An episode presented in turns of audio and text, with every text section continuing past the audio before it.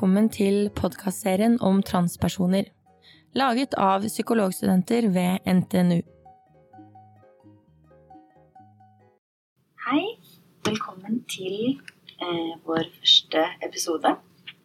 I dag så er vi her med Bente Vikran Ingebrigtsen. Velkommen. Takk for det. Eh, vi tenkte vi kunne starte med en liten introduksjon. Kan du fortelle litt om eh, bakgrunnen din og hvem du er? Ja. Altså, som du sa, navnet mitt er Bente. Og, og jeg er i dag eh, spesialist i sexologisk rådgivning med autorisasjon fra NAKS, som er Nordisk forening for klinisk sexologi. Så denne godkjenninga gjelder i fem land. Eh, populært kalt i Norge så er det jo sexolog. Eh, men jeg er litt nøye med å si at jeg er spesialist i sexologisk rådgivning, fordi at det er en bekreftelse på at jeg har en sånn fagbakgrunn, at jeg faktisk har gått litt skole og utdanna meg innen feltet. Eh, og vi vil jo gjerne vite litt mer om eh, liksom begreper og eh, på en måte få en liten sånn innføring, da. Fordi at vi ser at det er mange ulike begreper som brukes litt om hverandre og litt sånn. Så jeg tenkte vi kunne snakke litt om det, om du kanskje kunne begynne med å forklare begrepene eh, trans og cis? Ja. Eh, trans, altså det er jo veldig vanlige begrep som brukes det her, da, ikke sant? Eh, cis kanskje ikke så mye som trans, men eh, trans det betyr jo at, eh, at den kjønnsidentiteten som man fikk tildelt ved fødselen, Eh, at det ikke samsvarer med det man opplever seg som. Så man transer Altså trans, det er jo å bevege seg, ikke sant? Så man transer bort ifra den kjønnsidentiteten som var, Eller kjønnet som var tildelt ved fødselen. Ikke kjønnsidentiteten, det blir jo litt feil å si. Ja, Så kjønnet som var tildelt ved fødselen, stemmer ikke overens med det man føler seg som. Men cis, det er når det samsvarer. Så er du cis-kvinne, da har du fått tildelt jentekjønn ved fødsel og føler deg som jente. Og så snakket vi litt om det begrepet kjønnsinkongruens, og at eh, du heller bruker det framfor trans. Eh, kunne du sagt litt om det? Ja.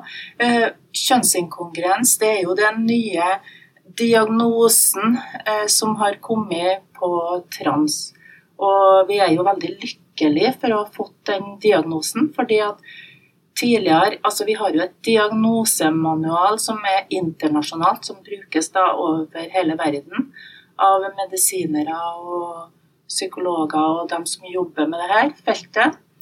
Og der vi har liksom sånne tall vi bruker, ikke sant. HA60, HA62 og sånn. og ja, for eh, oss som jobber inni feltet, så er det veldig sånn akseptert å bruke kjønnsinkongruens, og da liksom vet vi hva vi snakker om. Og, og, for å få kjønnsbekreftende behandling, da, som vi kommer tilbake til, så, så er det greit å ha den diagnosen kjønnsinkongruens. Men det er viktig å understreke at det ikke er en sykdom. Kjønnsinkongruens er en diagnose og det er jo her vi har fått et paradigmeskifte. ikke sant? Fordi at i diagnosesystemet vårt tidligere så har det vært bare sykdommer. Nå har vi fått inn et nytt kapittel i den ICD-11, som ikke er tatt i bruk ennå i Norge, da, men eh, som kommer til å komme ganske snart. Og der er det et nytt kapittel som heter seksuell helse. Altså ikke sykdom, men seksuell helse. Og inni der finner vi kjønnsinkongruens. Mm.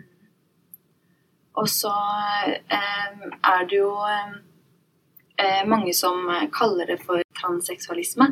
Eh, og lurte litt på om du kunne forklare hvordan det ofte kan bli litt misforståelser rundt det begrepet? Mm. Fordi at Når man tar inn det her seksualisme, ikke sant? så er det så lett å tenke at det har noe med seksualiteten å gjøre og den seksuelle orienteringa. Men det har det jo ikke. Her snakker vi jo bare om kjønn. Så fordi om man har en transseksualisme, så kan man være både hetero, homo, uh, skeiv, uh, bifil, uh, pan Ja.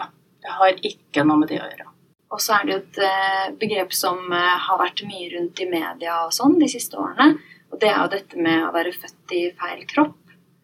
Um, og jeg lurte litt på hva du tenker rundt å bruke det begrepet, eller hva man legger i det, da. Ja, altså Noen syns jo det er helt ok å si det om seg sjøl at man er født i feil kropp. Men samtidig så er det noen som blir veldig såra og føler seg veldig misforstått når man bruker det uttrykket. Og årsaken til det er jo det at når du sier 'født i feil kropp', så høres det jo ut som det er noe feil med kroppen din. Og det er jo ikke det. Det er jo ikke noe feil med kroppen din fordi om du har en uh, transseksualisme eller kjønnsinkongruens, som jeg foretrekker å si, da, så er det jo ikke noe feil med kroppen. Kroppen er jo helt OK. Men det er bare det at den stemmer ikke overens med det du føler inni hodet ditt. Og det kjønnet som du føler at du har. Så hvordan eh, jobber dere med å eh, snakke om disse begrepene i, eh, når dere møter barn og unge? Ja. Det som jeg syns er viktig, her er jo litt sånn personlige erfaringer jeg har med det. Men uh, altså, det er jo akkurat det her at man kan jo gå seg helt vill i begreper her, ikke sant? Og man føler seg jo Mange sier det at de opplever at de er redd for å såre og er redd for å, å trampe på noen, ikke sant, i forhold til å, å bruke feil begrep.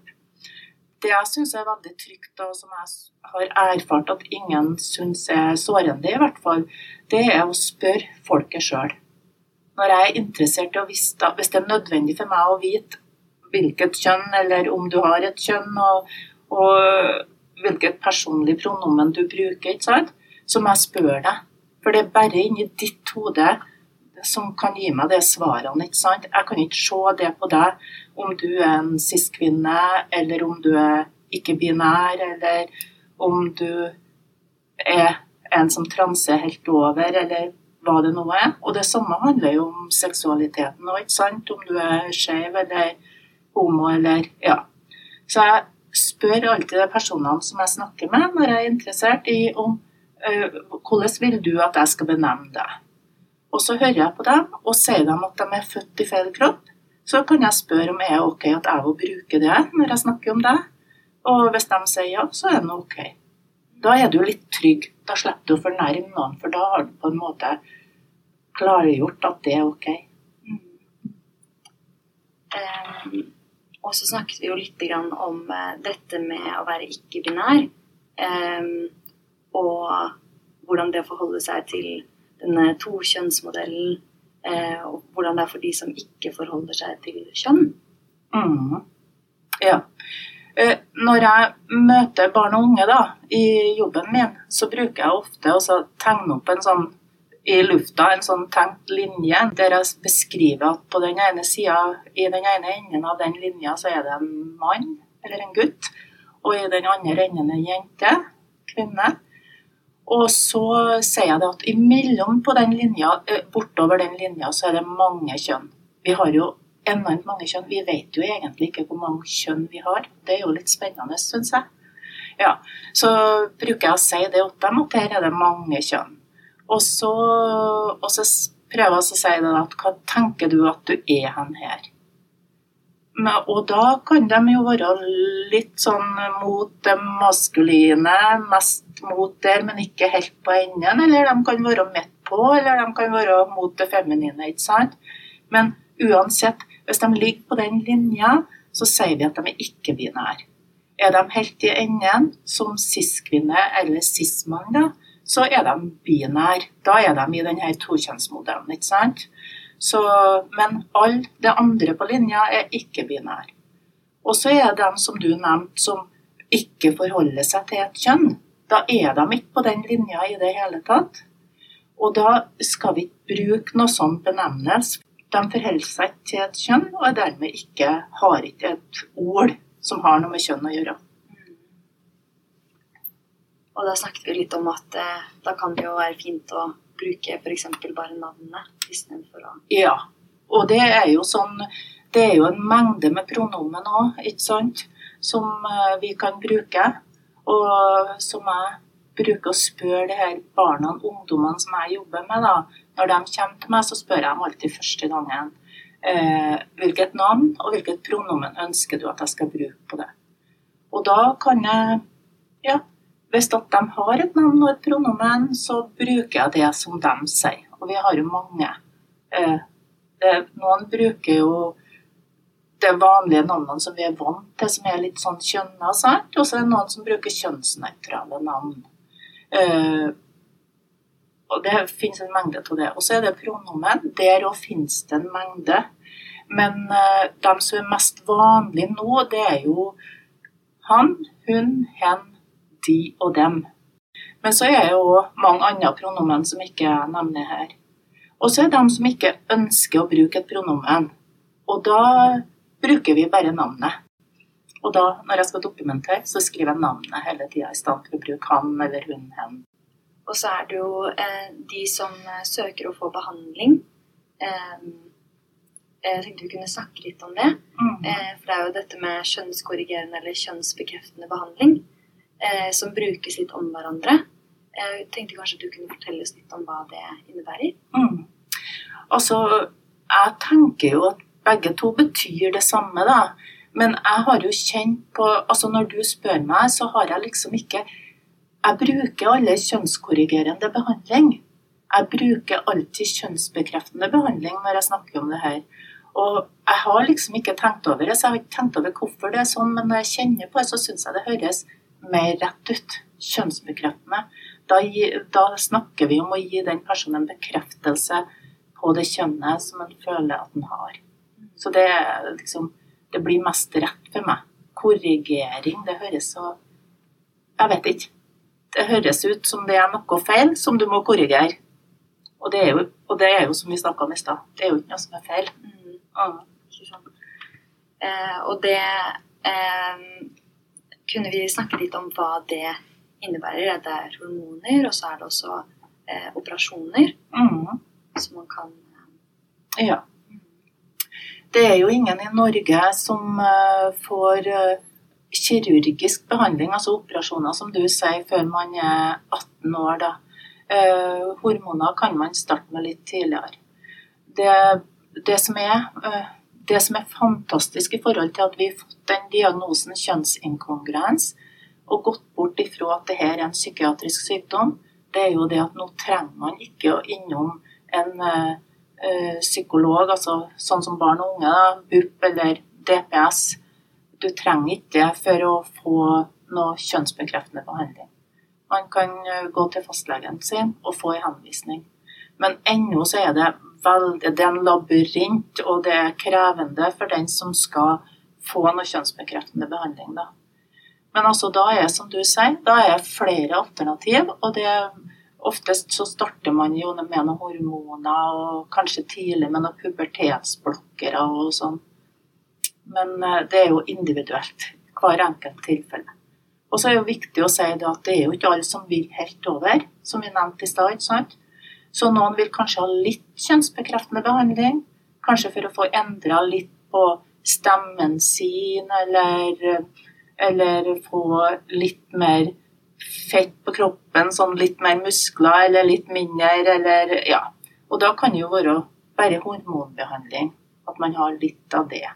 Så kan det være noen som vil eh, fjerne bryster, f.eks men behold vagina.